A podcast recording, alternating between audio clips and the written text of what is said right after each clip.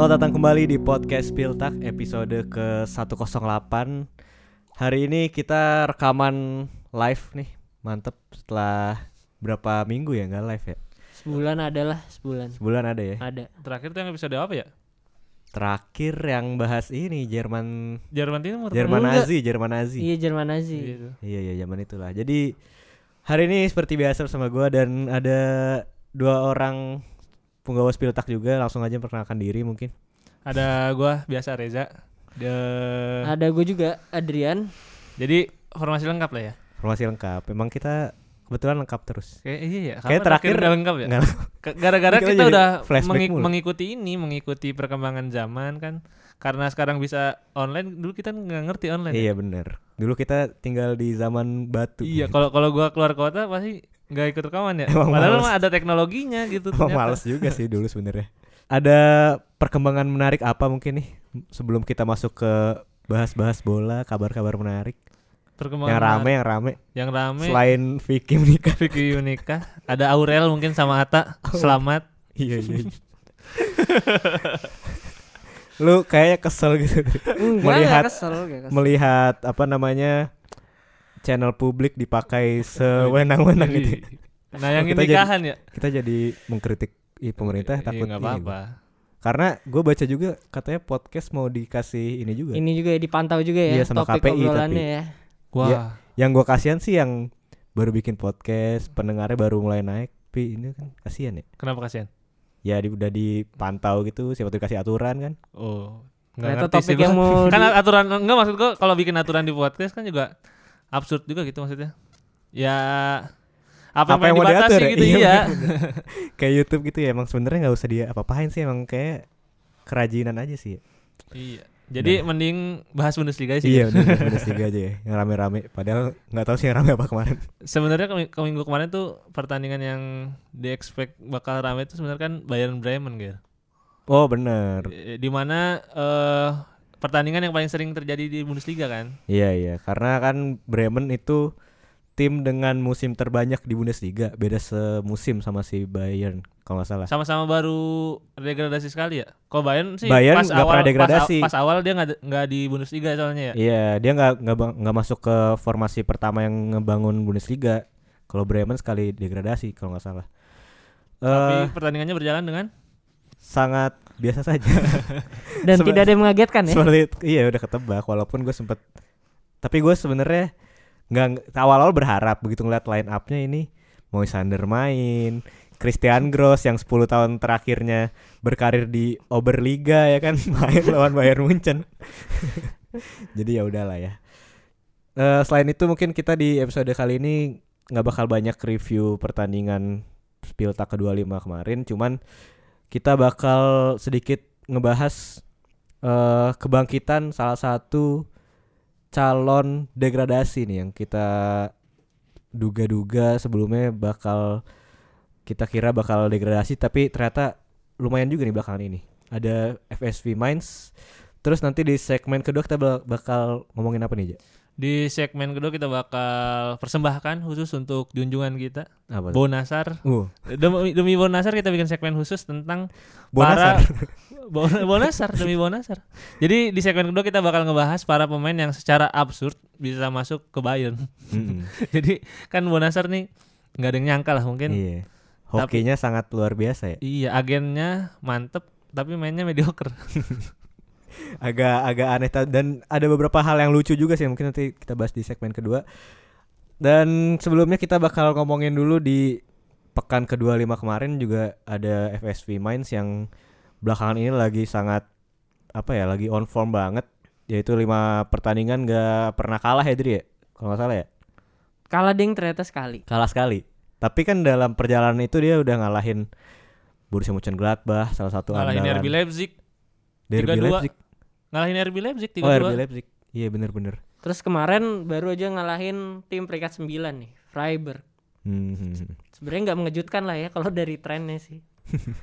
Cuman eh gua gua suka sih dengan Mainz yang berbenah di tengah musim, mendatangkan Bos Svensson dan juga pasukan eh pelatih yang dulunya kan si siapa Martin Smith ya? Iya. Martin Smith juga masuk. Eh, dari perbedaan sebelumnya sama yang sekarang kira-kira menurut lu apa nih Dri? Menurut gue lebih percaya diri dalam menyerang sih karena dari formasinya aja Mainz itu sekarang main dengan formasi 3 back gitu ya. Dan di pertandingan kemarin aja strikernya ada tiga di depan gitu. Benar-benar ma- masang Salai, Jonathan Burkhardt sama Jean Paul Butius nih benar-benar ditaruh benar-benar di depan. Jadi benar-benar ofensif menghadapi tim yang tim papan atas lah ya. Maksudnya tim 10 besar tuh jauh lah peringkatnya sama Mainz seharusnya lebih defensif tapi Bos Svensson ternyata punya kepercayaan diri tinggi mungkin setelah mengalahkan Gladbach dan akhirnya terbukti dengan menang 1-0 gitu.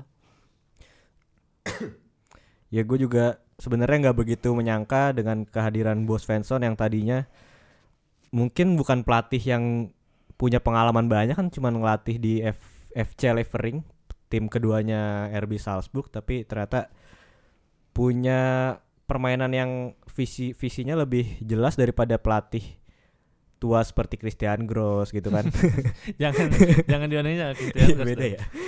Eh, kalau menurut lu aja dari FSV main sekarang eh apakah ini udah dia bisa lah untuk bertahan di Bundesliga? Pas waktu itu kan Men sebenarnya sempat satu apa sempat sama poinnya sama Schalke ya pas pekan 17 atau pekan 18 gitu gue lupa. Sama-sama baru ngumpulin 7 poin sedangkan setelah berlangsung sampai pekan ke-25 sekarang Men sudah ngumpulin 20 berapa sekarang 21 Satu. 21 Dua poin. poin ya. Schalke cuma nambah jadi Satu ya? 10. Iya. Dia, dia tiga cuma seri, doang. seri dua kali, eh, seri tiga kali berarti. Iya cuma seri tiga kali. Jadi emang eh waktu itu gue bilang kalau satu-satunya harapan Schalke atau Mainz bisa survive tuh harus membuat keajaiban gitu dan ternyata keajaibannya itu datang dalam sosok Bos Svensson gitu. Hmm. Kalau gue lihat sih langkah yang sangat tepat gitu dibandingin sama Schalke. Lagi-lagi kita ke bahas degradasi pasti bahas Schalke sih. Iya. Karena jadi cerminan seberapa buruknya gitu. Hmm. Karena Schalke kan mempertahankan Jochen Schneider terus nunjuk pelatihnya Christian Gross. Sedangkan menurut gua Mainz nih melakukan langkah yang sangat tepat. Dia mengembalikan Christian Heidel waktu itu buat mengganti Rowan Schneider ya.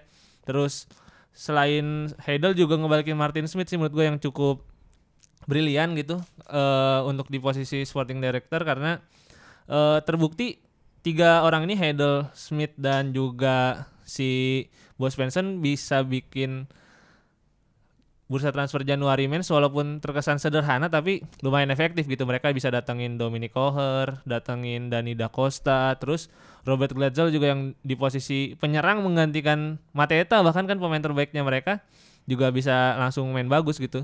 Jadi menurut gue emang satu langkah yang efektif bukti kalau sebenarnya pergantian pelatih tuh emang bisa memberi perubahan cuman harus punya visi tetapnya tetap visi jangka panjang gitu. Iya sebenarnya kalau lagi-lagi kita bandingin sama Schalke, Schalke juga sama sih ham- hampir sama kayak Mainz kalau di bursa transfer juga sebenarnya banyak masukin jual beli pemain juga kan. Cuman Mainz ini kayaknya emang udah dari segi taktik sih kalau menurut gue dari segi gimana implementasi taktik si Bos Svensson yang jauh lebih di atasnya Christian Gross kalau gue lihat-lihat. Soalnya Adam Zalai juga kan pernah dibekukan ya kan. Terus juga Dani Da Costa nih kalau menurut gue nih pembelian yang oke banget sih. Dani Da Costa loan ya? Loan. Loan, dari sama Frank- eh, Dominic dari mana sih? sama Dominic Fra- Koher. Frankfurt Iya iya dan ya ini menurut gue sangat sangat mempengaruhi main sekarang juga sih.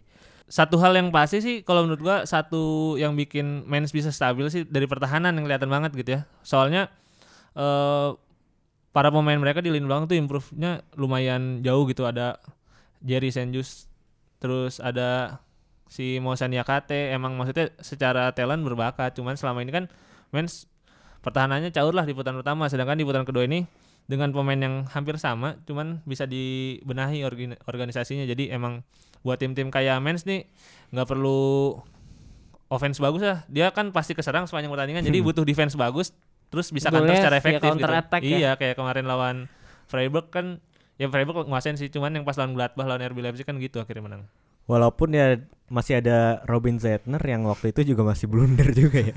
Agak-agak nggak ngaruh sih sebenarnya.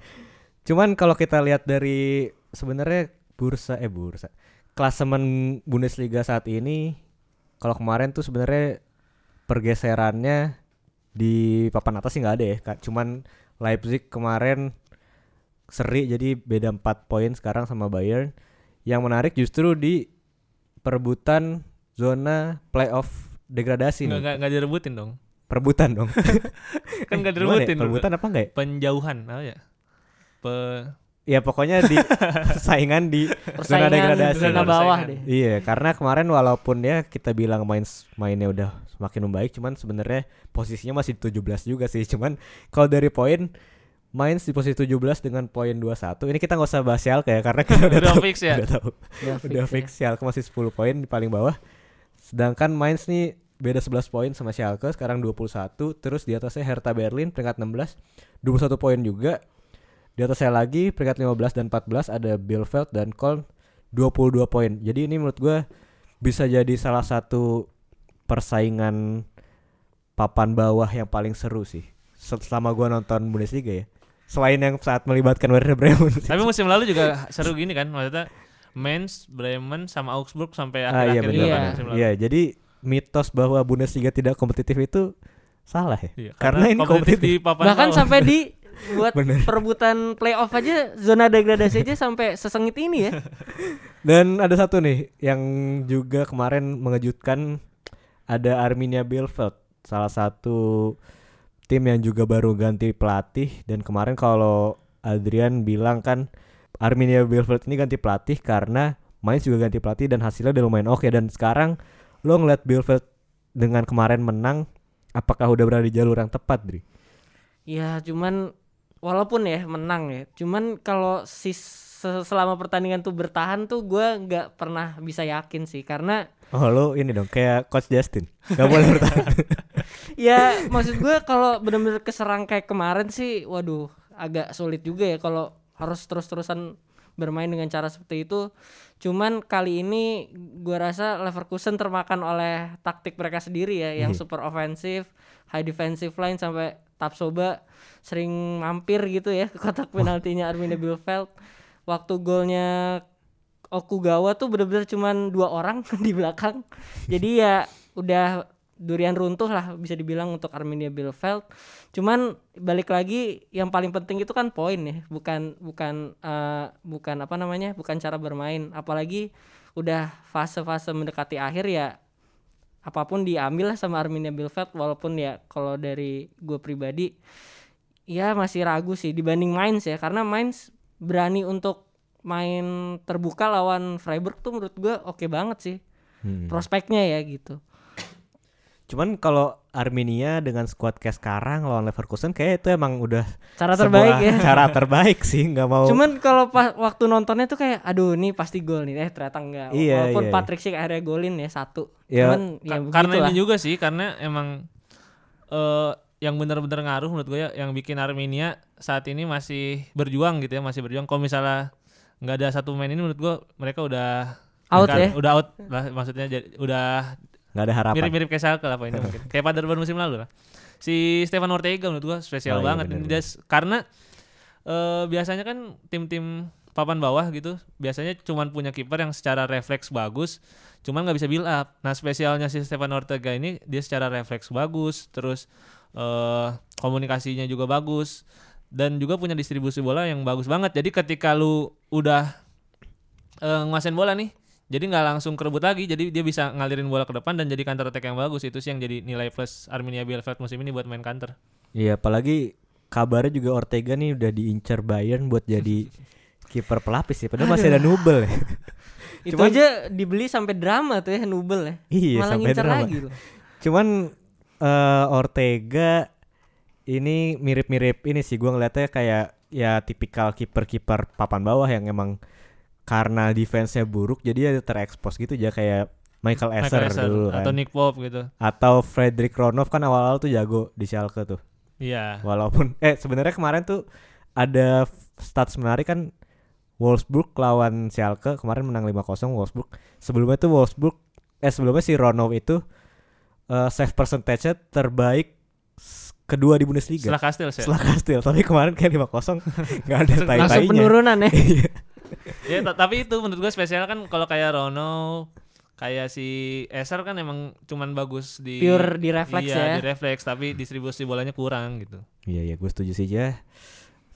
Eh gue sih nggak tahu sih gue kalau secara pribadi pengen ngelihat Arminia Bielefeld eh, tim-tim tradisional yang yang bisa apa ya berkembang di Bundesliga 2 gitu bisa juara dengan skuad seadanya sih bisa bertahan di Bundesliga sih walaupun ya dari yang udah-udah kan Paderborn gitu emang susah banget survive. Cuman gue berharap ini sih bisa dia. Kalau lu ada mungkin sedikit prediksi siapa aja jagoan lu lah di tim papan bawah ini nih? Di, Kalau- selain Schalke ya sekarang Schalke udah Schalke kita udah fix Udah ya. ya, di luar Men- menurut gua sih yang satu lagi degradasi satu lagi kan ada dua. Yang Berarti- degradasi langsung. Oh degradasi langsung. Arminia sih menurut gua masih. Kalau untuk saat ini gitu ya ngelihat komposisi pemain cuman feeling gua bakal ke Hertha sih. Menurut gua Hertha antara Nah, iya, finish di iya. posisi 16 atau 17 dan Hertha nih benar-benar bentuk yang sempurna dari bagaimana perencanaan yang buruk apa? Perencanaan yang buruk tuh bisa membuang lu punya pemain sebagus apa pun juga gitu. Jadi Mhm. eh, emang parah banget dia ngelepas laba dia malah nunjuk Paldar lagi kan. Jadi pelatih emang udahlah ini. Emang udah saatnya mungkin kalaupun bertahan gue rasa misi mereka buat ngedatengin Freddy Bobic dari Frankfurt sebagai sporting director benar-benar harus dilakukan sih. Karena Bobic juga udah terbukti bisa bikin Frankfurt. Yang waktu itu dari zona degradasi juga kan pas dia pertama Iya, datang sampai akhirnya bisa nembus semifinal Europa League. Jadi kalau untuk saat ini gue lihat Arminia atau si Hertha. Hertha. Hertha di playoff berarti ya? Hertha playoff ketemu Hamburg rame ya. nah rame tuh. Kalau lu siapa Dri Aduh, sayang banget sih walaupun gue memuji Bos Svensson kayak Bos Svensson nih bakal harus apa ya? lolos dari eh, apa playoff sih. Nah, cuman yang peringkat 17-nya gue sama kayak Reja yaitu Arminia Bielefeld karena ya yang udah-udah walaupun se apa ya? se Spartan itu permainannya cuman itu masih belum cukup sih di Bundesliga kalau menurut gue. Eh, kalau gua sih gue pengennya Arminia bertahan dan gue pengennya call nih call karena sebenarnya salah satu tim yang gak jelas juga kan musim ini Mau dibawa Call. ke mana ya ini Iya. prospeknya gitu ya dan timnya emang ya. tim yoyo juga dia sering buat degradasi tiba-tiba naik lagi cuman satu kayaknya yang di playoff kalau gue sih Arminia sih eh eh gue bingung juga nih jadinya gue gue pribadi pengennya Berlin sih Hertha nih gue ngelihat Wah, gimana banyak emang Kesel ya iya kok soalnya uang banyak pemain-pemain bagus tapi nggak bisa manfaatin itu kayak emang layak untuk dihukum sih Ya mungkin musim ini agak lebih ceria ya kan ketika mau ngomong zona degradasi zona, Iya, lebih iya, benar. ketika ngomongin berwibawa zona ya. degradasi itu lebih lepas gitu. Jadi emang dibandingin musim lalu ya Bremen sekarang mungkin udah Udah aman jauh. lah sih ya, menurut ya gue tapi ya. gua gua nggak tahu ya Augsburg atau Bremen ini sebenarnya masih bisa masuk eh, ke zona degradasi tapi mungkin harus kalah di 8 dari 10 pertandingan terakhir Iya, gitu ya. bener-bener. Dan gue sangat bersyukur ada Schalke dan tadinya Mainz juga jelek banget tapi sekarang udah lumayan oke lagi tapi ya udahlah ya.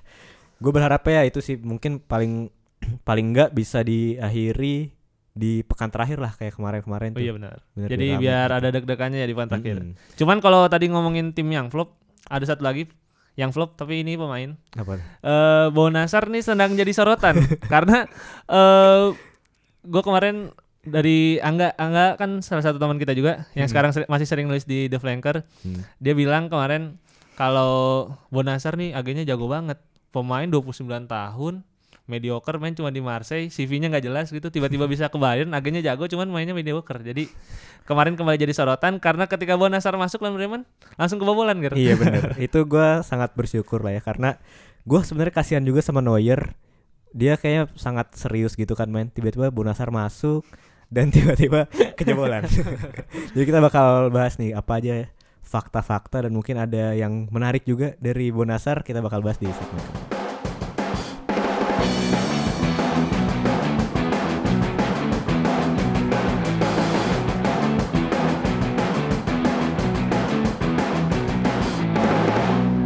Bonasar kembali jadi sorotan setelah kemarin dia masuk gantiin Alfonso Davies ya Ger? Iya jadi back kiri dia kemarin. Jadi back kiri terus dia masuk mungkin menit 80 Menit- mungkin menit 80 kalau nggak salah ya Hmm. Lupa. dan ah Ya lupa gue sekitar 70 apa 80 udah mau habis Iya. pokoknya kan. dan ketika dia masuk skor masih 3-0 dan seperti yang kita lihat skor akhir menjadi 3-1 dan secara proses gol Bremen itu sangat-sangat gimana ya gua- Sangat-sangat Bremen banget sih menurut gua. Karena ya emang counter attack aja kan Bremen musim Iya, ini. cuman defense-nya itu loh. Iya iya.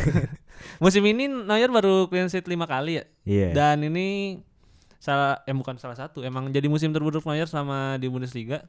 Dan mungkin dia kemarin hampir mendapatkan clean sheet ke-6 dan kayaknya kesel banget juga sama Bonasar. Iya bener. Menit 85 kebobolan satu dan itu udah menang 3-0 juga kan tadinya. Emang mentalitas Neuer sangat kelihatan sih karena dia marah-marahnya bener-bener kayak kesel gitu kan.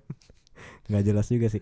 Dan itu emang bukan sesuatu yang langka gitu di Bayern karena terus terjadi musim ini Bonasar yang diharapkan bisa menjadi pelapis ya kita nggak bisa bisa bilang pelapis padan lah ya cuman seenggaknya bisa melakukan pekerjaan yang solid gitu ketika mungkin Benjamin Pavard nggak bisa main tapi saking hancurnya ketika Benjamin Pavard cedera bahkan sampai main Niklas Sulinho kemarin di Iya, bek kanan Sulinho. Kemarin Sarlinho. Sar Sarinho. Bahkan masih lebih baik Sulinho ya.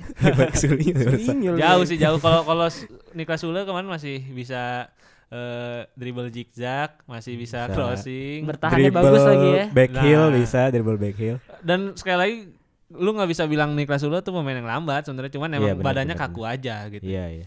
dan lu dari dari sudut pandang Spiltak nih ketika kita prediksi di awal musim kalau Bonasar ini pemain yang bakal gagal walaupun kita sebenarnya nggak pernah lihat Bonasar main di Marseille lu seneng gak Dri? Gue sih tahu dia gara-gara main FIFA ya waktu Marseille ya? 16 atau 17 iya Iya, dan aduh nih pemain udah karirnya di FC Metz gak ada yang menonjol gitu maksudnya dari kecepatannya atau mungkin crossingnya atau mungkin gimana cara dia bangun serangan kayak Trent Arnold juga dia bukan kayak gitu jadi kenapa Bayern apa ya malah mengincar pemain mediocre nih agak aneh dan dikontraknya 4 tahun loh ini di kontrak 4 tahun didatangkan dengan harga 8 juta ya 10 juta 10 bahkan juta. 10 Wah. juta euro Hmm. umur 29 tahun di kontrak 4 tahun dengan kualitas seperti ini sih gua hebat sih sama agennya Bu Nasar sih. Dan ini sih ketika lo pemain sayap kanan terus tiba-tiba lo dipindahin ke back kanan kan itu berarti emang skill lo terbatas. Untuk jadi sayap kanan lo terbatas banget. Sampai sampai sampai lo dijadiin buat back kanan gitu Iya yang dimundurin. ng- nggak juga sih. Kan Alphonso Davis bisa berhasil. Dari winger ke kiri jadi Iya, back iya, kiri. iya. cuman nggak nggak untuk Bonasar mungkin ya Iya. Dan emang waktu itu Bonasar ketika didatangkan dari Marseille sebenarnya kan pilihan keempat atau kelima lah ya kan dia awalnya ngincer Sergio Des yang ke malah milih Barca. Barcelona ya Iya. Eh, terus ada Terus- Max Aarons, ada juga Tarik, Tarik- Lamptey ya, dari benar. Brighton. Bonasar mungkin pilihan keempat dan mungkin ini salah salah satu deal yang paling absurd gitu di Bayern dan gue ngebayangin ketika dia deal itu kayaknya sih dia ini sih pas Marseille nelpon nih pengen minjem Michael Cuisangs gue pengen minjem Cuisangs nih. Tapi lu ada bek kanan kan nih? Ada nih ada. ada nih bonus jago jago kenceng. jago jago jago. Kenceng kenceng. Sama Davis kenceng mana? Mirip lah mirip. 11 12 lah ya gitu. dan akhirnya udahlah udah deadline day gitu kan. Akhirnya datengin Bonasar. Jadi karena emang ini transfer yang sangat absurd bahkan sampai petinggi Bayern nggak ada yang bertanggung jawab juga kan terhadap Iya. transfer ini Kemarin gue baca juga emang beberapa ini udah lama sih sebenarnya berita kayak dua minggu atau tiga minggu yang lalu emang kalau nggak salah build deh build kan emang suka nyampur Gosip ya, nyampurin gosip. urusan Bayern tuh si CF Bayern kan dia ketua eh bukan ketua apa ya salah satu yang tua juga lah di sport build setahu gue si Christian Falk dia ngabarin kalau emang pembelian Bonasar ini nggak nggak ada yang mau tanggung jawab. Bahkan kayak Flick, Brazo ini nggak tahu kenapa pada beli ke- kenapa Bayern bisa beli Bonasar gitu. Jadi gue juga mempertanyakan siapa sebenarnya yang beli Bonasar? Jangan-jangan ini hantu ini hanya hayalan kita semua gitu. Ternyata Bonasar selama ini hanya mitos. Iya. emang nggak nggak main sebenarnya 10 pemain jadinya. Iya ya kalau ada Bonasar. Karena semuanya bingung ya lah kok ada dia nih gitu ya. Kalau nggak salah tuh kan ada salah satu akhirnya jatuhnya dia menyalahkan salah satu scoutnya Bayern katanya emang scout yang khusus me meng-scout daerah Prancis. Masa? Iya iya. Tapi gue nggak Tapi- yakin se, se tapi- selikwang gitu ya. Eh, bek kanan yang 10 juta cuman cuman Bonasar. Kan masih ada at least Kenny Lala gitu yang Strasbourg Ah, kan iya. waktu itu Iya. sempat bagus gitu kan dan nggak mungkin harganya lebih dari 10 juta euro jadi emang gue ya ngerti. karena mungkin Bayern ngeset untuk nyari pemainnya tuh yang penting bisa bahasa Perancis sih kayaknya jadi Bonasar bisa bahasa Perancis kan bisa Iya. jadi Bu- masuk ini buat eh, back four bisa bahasa Prancis yang penting ya. Iya, Karena semua bisa. Dayot juga kan. Dayot musim depan jadi nggak akan ada Pavard. keterbatasan bahasa ya Iya, nanti Iya. Dan, Dan- Bonasar yang paling tua, jadi dia mengomandoi berarti. Nih ada satu berita sih yang gue sebenarnya kemarin-kemarin pas browsing-browsing soal Bonasar sedikit membuat kesal nih. Kenapa? Nih lu baca gua bacain judulnya Bonasar compares himself to Frank Ribery. Mirip sih. Aduh. Mirip. Karena alasannya apa? Dia bilang sama-sama datang dari Metz habis itu pindah ke Marseille dan tiba-tiba pindah ke Bayern Munchen gitu katanya. Dan dulunya juga merupakan sayap kanan, cuman ya ini nggak tahu sih Bonasar kenapa bisa ngomong kayak gini ya gitu ya. Gua sepede-pedenya nggak mungkin menyamakan diri sama Rezaldi Hehanusa gitu. Frank Ribery, pemain Prancis yang sebelumnya jadi pemain dengan caps Prancis apa? Iya. Dengan pemain Prancis dengan caps terbanyak di Bundesliga gitu kan. Hmm. Jadi emang ini ya kalau lu lihat juga tadi secara skill emang be aja lu udah pernah lihat ini belum video yang Bonasar lagi di FIFA Club World Cup kemarin yang main kayak tenis pakai bola gitu yang satu sentuh satu sentuhan Gagal dia. gagal yang gagal Bonasar terus pada diketawain sama satu tim Bayern jadi, Kasian. jadi emang Jadi secara emang- Kasihan sih. Tugasnya untuk melucu. 10 juta peran-peran- euro untuk melawak ya. Peran-peran kayak Benjamin Mendy di timnas Prancis kan memang Enggak, dibutuhkan. Benjamin Mendy emang, emang jago aslinya Tapi nggak main kan di Tapi- Prancis World Cup. Iya sih. Cuman kemarin ketika habis pindah ke Bayern, Bonasar sempat dirumorin dipanggil timnas Prancis juga. Oh Itu iya, aneh bener. banget tuh. Oh, eh, kalau nggak salah kan pernah dipanggil ya. Cuman eh, dilarang sama Bayernnya Iya. Itu karena cedera. kebayang dari kalau dipanggil dari mainnya sama eh, Rafael Varane yang pada punya Liga Champions gitu kan punya Iya. punya medali Piala Dunia. Jadi ini strategi yang brilian ya sebenarnya dari Bonasar ya bukan dari Bayern nih. Enggak kalau menurut lu Dri, ini kenapa nih si Bonasar bisa profilnya tiba-tiba naik gitu sih Dri? Aduh, gimana tahu ya sih, Mas. ngejawab ya? Nggak Kayak tahu petinggi sih. banget juga nggak tahu sih kalau Cuman- tanyain kayak gitu. Cuman kadang gue bingung kadang rekomendasi scout itu kan pengen pemain yang antah berantah eh ternyata jago. Nah, mungkin Oh. Bayern melihat ya udah deh udah kepepet budget segini dan memang pemain yang ready untuk dilepas Marseille ya si Bonasar ini jadi ya udahlah mau nggak mau kita berjudi dan hasilnya mereka kalah sih.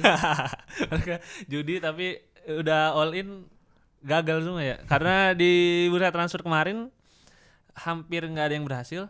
Mungkin Leroy Iya, Sané iya. satunya lah emang. Itu juga nggak begitu iya, bagus biasa ya. aja sih Iya, sebenarnya. biasa aja cuman ya Cuman nggak flop lah. nggak- nggak flop. Nggak flop. Da- Ada Erik Maxim Choupo-Moting Ini juga Nah, ini- agennya luar biasa ya. Luar biasa sih. yang Seumur hidup free transfer. yang yang out of nowhere dari Stock City tiba-tiba bisa pindah ke PSG sama pindah ke Bayern ya kan tiba-tiba CV-nya nanti punya juara Prancis sama juara Jerman. Terus ada Mark Roca yang juga so far nggak dapat kesem- kesempatan di bawah Hansi Flick dan juga Bonasar. Mungkin karena Sar ini akhirnya kita terinspirasi buat eh, mungkin ngumpulin beberapa pemain yang secara absurd pindah ke Bayern. Iya, walaupun nggak ada yang me- lebih absurd dari Bodasar sih. Iya sih, gua. gua gua nggak ada lagi sih.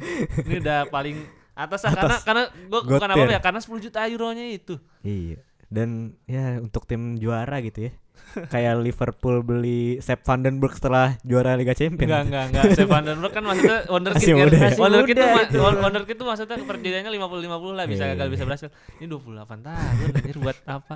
Lu kontrak dia habis 4 tahun udah 32 tahun kan. Iya, Jadi bener-bener. mungkin Beda dari siapa dari? Dari lu dari ada nggak nih? Yang tipe-tipe Oh, lah kayak Bonasar. Pasti ada lah dan ini rajanya transfer aneh menurut gua. Louis van Gaal ketika menangani Bayern setelah bawa juara AS Alkmaar dia ngebawa pemain Belanda bernama Edson Bravait. Ya mungkin kalau mungkin waktu itu sih gua eh, SMP lah ya. Itu udah lama banget dan memang tidak ada yang bisa digali lagi dari Edson Bravait karena cuma main di musim pertama itu cuma 9 kali dan di Januari 2010 dia udah minta untuk dilepas secara pinjaman supaya masuk skuad Bert van Marwijk di Piala Dunia Afrika Selatan gitu. Dan hasilnya ya dia di loan di Celtic terus musim depannya di loan lagi ke Hoffenheim dan ya nggak banyak dari situ yang bisa kita bicarakan ya. Edson Bravait karena memang transfernya aneh. Dia dibeli dari FC Twente dengan mahar 2 juta euro. Dan terbukti Louis van Gaal memang suka nyentrik aja kalau beli pemain sih. Bravet ini sempat juara nggak? Eredivisie ya? Eh enggak sih. Dia mau Iya enggak ya? Setelah Twente juara itu dia baru datang ya?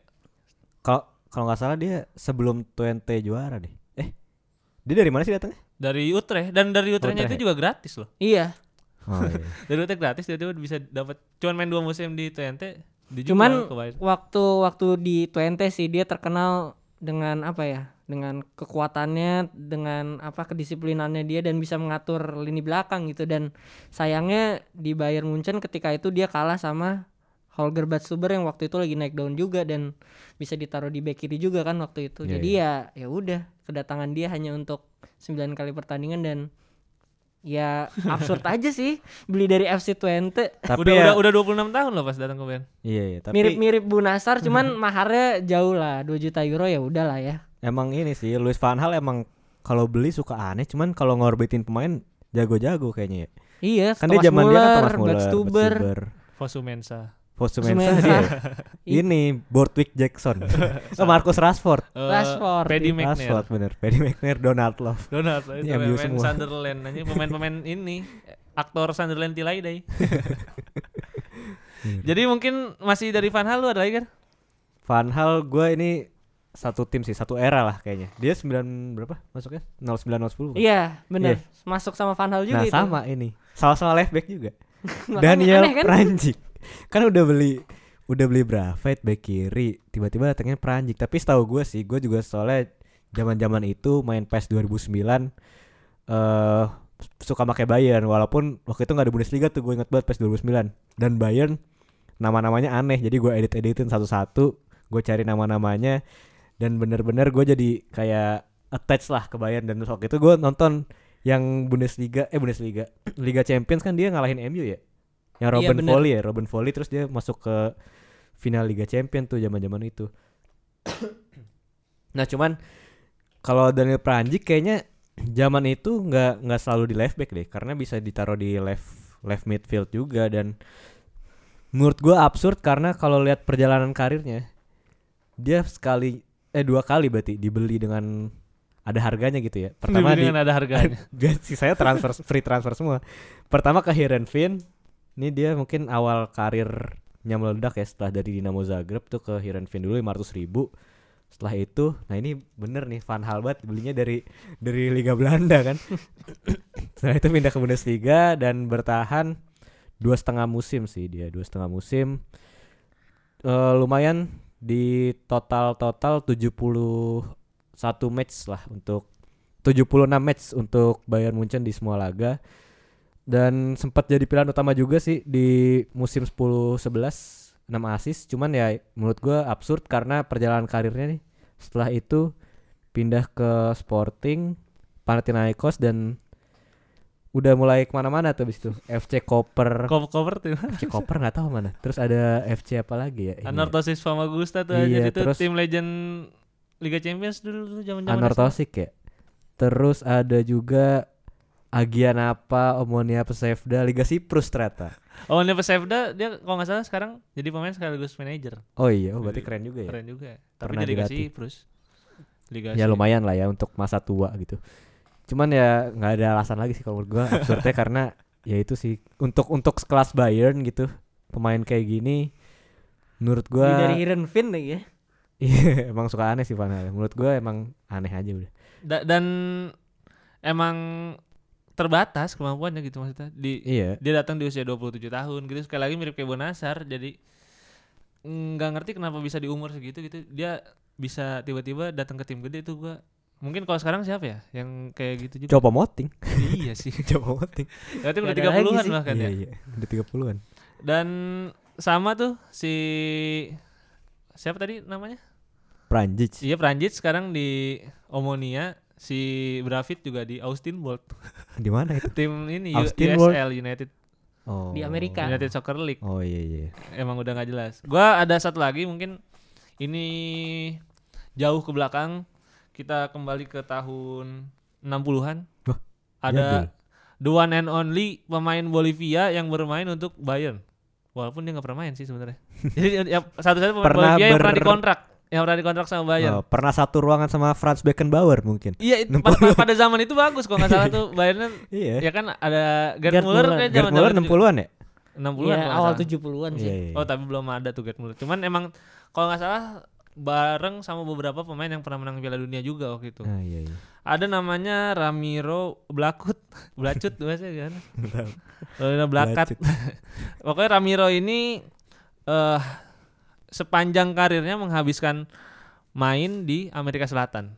hanya satu musim dia bermain di Eropa dan itu Bayern. Bayern Munchen. Jadi ceritanya itu katanya ketika dia main di tim Argentina waktu itu umurnya masih 20-an awal dia direkomendasiin sama mungkin orang Jerman yang main di Argentina gitu cuman nggak tahu gimana ceritanya akhirnya dia bisa trial di Bayern dan setelah trial di kontrak habis kontrak nggak dimainin balik lagi ke Bolivia jadi emang satu tahun di Jerman tuh nggak tahu tuh Oh ngapain setahun deh. setahun Setahun. doang Sekalian lihat jadi turis kali ya.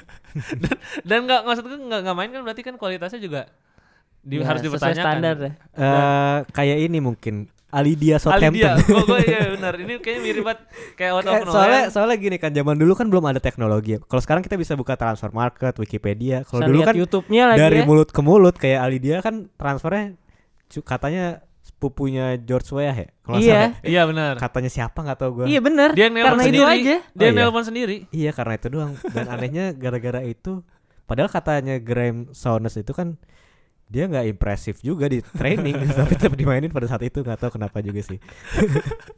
cuma berapa sih 8 menit atau 10 menit Nggak tahu gue. 15 menit deh dia kalau masuk salah. terus diganti lagi kan Iya, Iya, masuk iya. ganti lagi. Udah kayak ini yang kemarin gue bahas di ini siapa? Marcos Antonio. Marcos Antonio juga tuh ya Iya aneh. Kasian Itu cuma satu juga ya. musim juga itu aneh. akhirnya menemukan eh, kehidupan kedua di Malaysia Di JDT. di, di GDT Keren. Kalau Eh, Romero siapa tadi kata? Ramiro Itu dia di mana setelah itu? Ramiro itu sebelum kebayang dia main di klub Bolivar klub Always Ready Oh, tapi tapi waktu itu Gas terus ya, always ready ya. iya skui terus dong. ya ex ininya apa namanya? Kuy lah. gitu. enggak gue gue ngebayangin kayak Tagline-nya ya ex gakui ya, ya ex gakui. Enggak itu kalau ngebayangin zaman sekarang kan kayak anak-anak SMA gitu kan bikin klub futsal, bingung namanya apa? Namanya nama tim apa ya? Kita mah gas terus nih. Gas apa ya? Gas terus FC gitu kan pada zaman itu mungkin kan ini Ya, pasti tapi yang keren sih gas terus. yang FC. ya yang bikin pasti kan kalau di Amerika Selatan biasanya ekspat atau mahasiswa Ah, kan. iya, nah, iya, iya. mungkin gitu kayak mahasiswa lagi bikin Bahasa- tim di Bolivia keren. apa ya? Pokoknya harus Klub- ready lah klub ya. always ready dah kita mah siap mulu gitu kan. Oh iya bener bener. Terus Diajak sparring, ayo ayo, oh ini siap mulu nih orang. Udahlah kita yang namain aja lo ready gitu. Terus sempat pindah ke Ferro Carril Oeste nih yang di Argentina. Ke Bayern balik lagi ke Bolivar. Abis itu ke Melgar, akhirnya dia pensiun di klub The Strongest. Wih. Wih. Di klub paling Nama-namanya juga. Tapi kuat ya. Nggak kuat. ngerti. Nama-namanya ini banget ya, sangat Kayak anak SMP bikin klub bola sih bener kayak anak SMP. Eh, kebayang gitu ya. Eh, logonya otot kali ya, klub The Strongest. Ya jadi emang banyak ternyata pemain-pemain yang cukup absurd untuk bisa eh, bermain di Bayern. Mungkin lu nggak harus punya skill yang mumpuni juga ternyata main Iya. di Bayern. Lu hanya perlu hoki. Iya, Masih ada lagi nggak eh, notable players nih? Siapa lagi ya? Kalau gue paling coba moting udah cukup absurd sih menurut gue. Lo mungkin si Adrian ada lagi, Dri. Kalau kalau gua ada sih apa eh, yang lucu juga nggak lucu sih. Eh, Ivan Lucic mungkin kan itu 2013-14 datang dari Austria terus main di Bayern bentar sempat main di Championship habis itu juga nggak kepake jadi kayak kenapa bisa ke Bayern gitu dari sekian banyak kiper di Jerman gitu atau dari akademi kenapa nggak dari akademi sendiri gitu Iya, iya. ada lagi mungkin London Donovan itu tahun berapa sih 2007 ya? 2008 ya musim 2008 ya. itu zaman zamannya eh, klub Strikernya lagi penuh ya padahal. Iya ada Klose, ada Luka Toni, ada Podolski. Itu zaman zamannya orang-orang Pizarro berlomba. ya kalau nggak salah masih itu. Pizarro lagi di Di Chelsea. Chelsea. dia. Oh iya benar udah pindah ke Chelsea. Dia berlomba itu klub-klub berlomba-lomba buat minjem pemain MLS 3 bulan ingat banget gue tuh zaman-zaman itu. Masih Banyak. Ya kayak David Beckham. Oh, Kan Donovan habis habis kan ini dia dipinjamnya cuman Januari, Februari, Maret balik lagi ke MLS.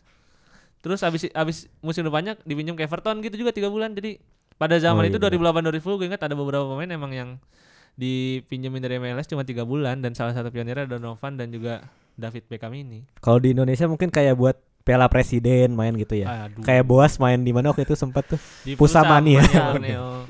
buat main Piala Presiden. Besok Kemenpora nih. Terus ada juga eh, mungkin ini yang sekarang gitu kalau di squad sekarang selain Bonasar yang menurut gue absurd, Sarpetsing sih sebenarnya. oh iya Sarpet Orang. Selandia Baru tiba-tiba main di Bayern. Iya, gua tapi dia kan kalau nggak salah dia bagus di Piala U Piala Dunia U17 ya? Apa Iya. U20 ya? Iya semuanya juga bagus sih di Piala Victor gitu. Osimhen bagus. Iya sih. Sekarang kan pemain termahal sih. Iya, Ya, bener. mungkin nanti eh Sarvetsing bisa jadi pemain yang membawa Selandia Baru Ya, bisa, lolos bisa. ke fase knockout Piala Dunia kan nggak tahu. Bener-bener. Mungkin visioner lah kalau Sarvetsing. Cuman kalau Bonasar gua nggak ngerti sih. Cuman ya kalau dilihat-lihat Bayern ini banyak beli pemain muda yang asal beli sih kalau menurut gue. Belakangan ya. Kayak si VT Arp terus juga Kuisans padahal nggak tahu implement- implementasi ke timnya tuh gimana gitu. Jennings. Pokoknya beli aja dulu Dale lah ya. Jennings mah jadul. Dale Jennings mah dari Tranmere Rovers Iya, bener, itu bener. paling absurd sih bahkan Itu daripada daripada list yang kita sebutin itu paling absurd sih karena gimana pun walaupun bukan Bayern yang tim Bayern utama beli pemain dari Tranmere Rovers idenya aja tuh udah nggak masuk, nggak masuk akal. akal ya. Wonder, Wonder Kid from Liverpool. Di FM tuh kayaknya nggak nggak ada juga ya kayak gitu. iya gua gua pun nggak mau kayak gitu karena statistiknya kan beda jauh lah itu ya Iya, mungkin kalau sekarang main di League 2 siapa? Cameron Branagan mungkin. Jadi Cuman- emang itu juga lucu sih dari Tranmere. Gua kira siapa ya Wonder Kid dari Liverpool? Gua kira main di Liverpool atau Everton kan harusnya. Ternyata dari Tranmere Rovers loh. Cuman ya emang kita nggak tahu sih maksudnya pertimbangan klub kayak gimana karena kita ngomong ini ya kita sebagai outsider nggak tahu gimana kerja sebuah tim gitu mungkin kalau ada yang kerja di tim sepak bola gitu mungkin lebih paham kali ya. Iya. At, at least ini sih tim scouting gitu kan. Ah, gimana iya, iya, iya. Dia nge-scout akhirnya ngedatengin pemain juga butuh proses yang panjang gitu sebenarnya. udah sih ya paling episode kali ini di segmen kedua kita cukup kilas balik dan mentertawakan Bonasar kasihan banget kita jadi ini sama Bonasar kita Iya. Tapi no hard feeling ya, Sar? kita jadi emang rencananya selalu punya orang yang kita ceng-cengin atau klub yang kita ceng-cengin. Si Alka kan udah lewat nih, udah nggak Iya. bisa ceng-cengin lagi soalnya sekarang. karena Udah- udah kasihan. ya. Kasihan, iya. udah di dasar Sekarang Sampai bahkan saatnya gua- Bonasar. Ya udahlah, udah 4-0 nih kebobolan satu lagi lah. Biar jokes Schalke 04 enggak keluar Iya, terus bosan, kasihan. bener-bener. Eh, di episode kali ini gitu aja sih. Paling kalau dari kelanjutan Bundesliga ada yang seru gak sih atau apalah? Ya Besok-besok. mungkin Liga Champions masih main ya. Gladbach Oh iya, lawan City sama Gladbach. Bayern lawan Lazio. Terus di akhir pekan mungkin nggak ada yang rame sih Bundesliga maksudnya. Nggak ada Nggak high profile lah. Ada Dortmund ketemu Köln, Bayern ketemu Stuttgart. Iya, ya, makin Mungkin setelah jeda internasional nanti kita langsung bertemu dengan RB Leipzig lawan Bayern. bener-bener. Ya untuk Bundesliga ya gue berharapnya ya semakin mantep aja sih persaingan di atasnya. Berharap. Oke deh kalau gitu gitu aja di episode kali ini. Thank you banget yang udah dengerin Spiltak, udah nge-follow juga di sosmed-sosmed. Gue Gerhan pamit. Gua Reza pamit. gue Adrian pamit Sampai jumpa di episode Spiltak berikutnya. Bye.